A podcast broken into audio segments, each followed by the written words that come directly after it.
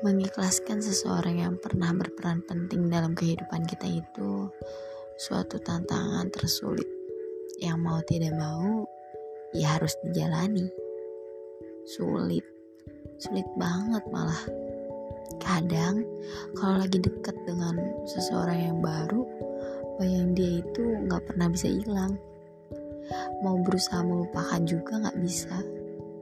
Bukan nggak pernah coba ya tapi karena udah sering coba dan hasilnya nihil jadi sekarang cuma ikutin aja alur hati maunya gimana.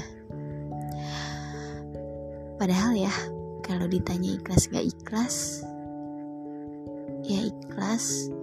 Dan kalau ditanya ikhlas gak lihat dia sekarang bahagia sama yang baru. Ikhlas banget senang malah ini jujur ya nggak beres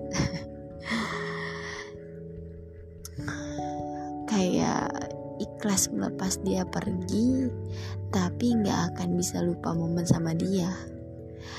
Karena biar gimana pun kita sama-sama pernah tertawa bersama. Berbagi kebahagiaan walau berakhir dengan kekecewaan